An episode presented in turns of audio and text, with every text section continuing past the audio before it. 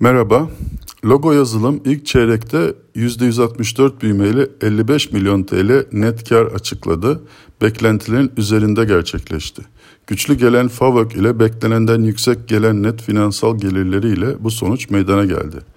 Ciro'da %37 büyüme var, 139 milyon TL olarak gerçekleşti ve beklentilere paralel.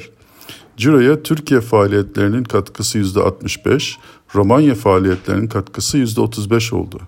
İlk çeyrek FAVÖK yıllık %51 büyümeyle 55 milyon TL olarak gerçekleşti ve ortalama piyasa beklentisi ve bizim beklentimizin üzerinde. FAVÖK marjı yıllık %368 baz puan genişlemeyle %39.5 olarak gerçekleşti.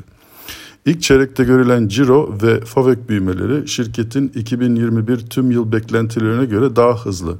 2021 tüm yıl ciroda yıllık %33 ve FAVÖK'te %47 büyüme öngörüyor. Bizim beklentimizde ciroda yıllık %39 ve FAVÖK'te %56 büyüme var. Dolayısıyla tahminlerimizde revizeye gitmedik. Ancak INA değerlemede iskonto oranını yükseltirken terminal büyüme varsayımını yukarı revize ettik.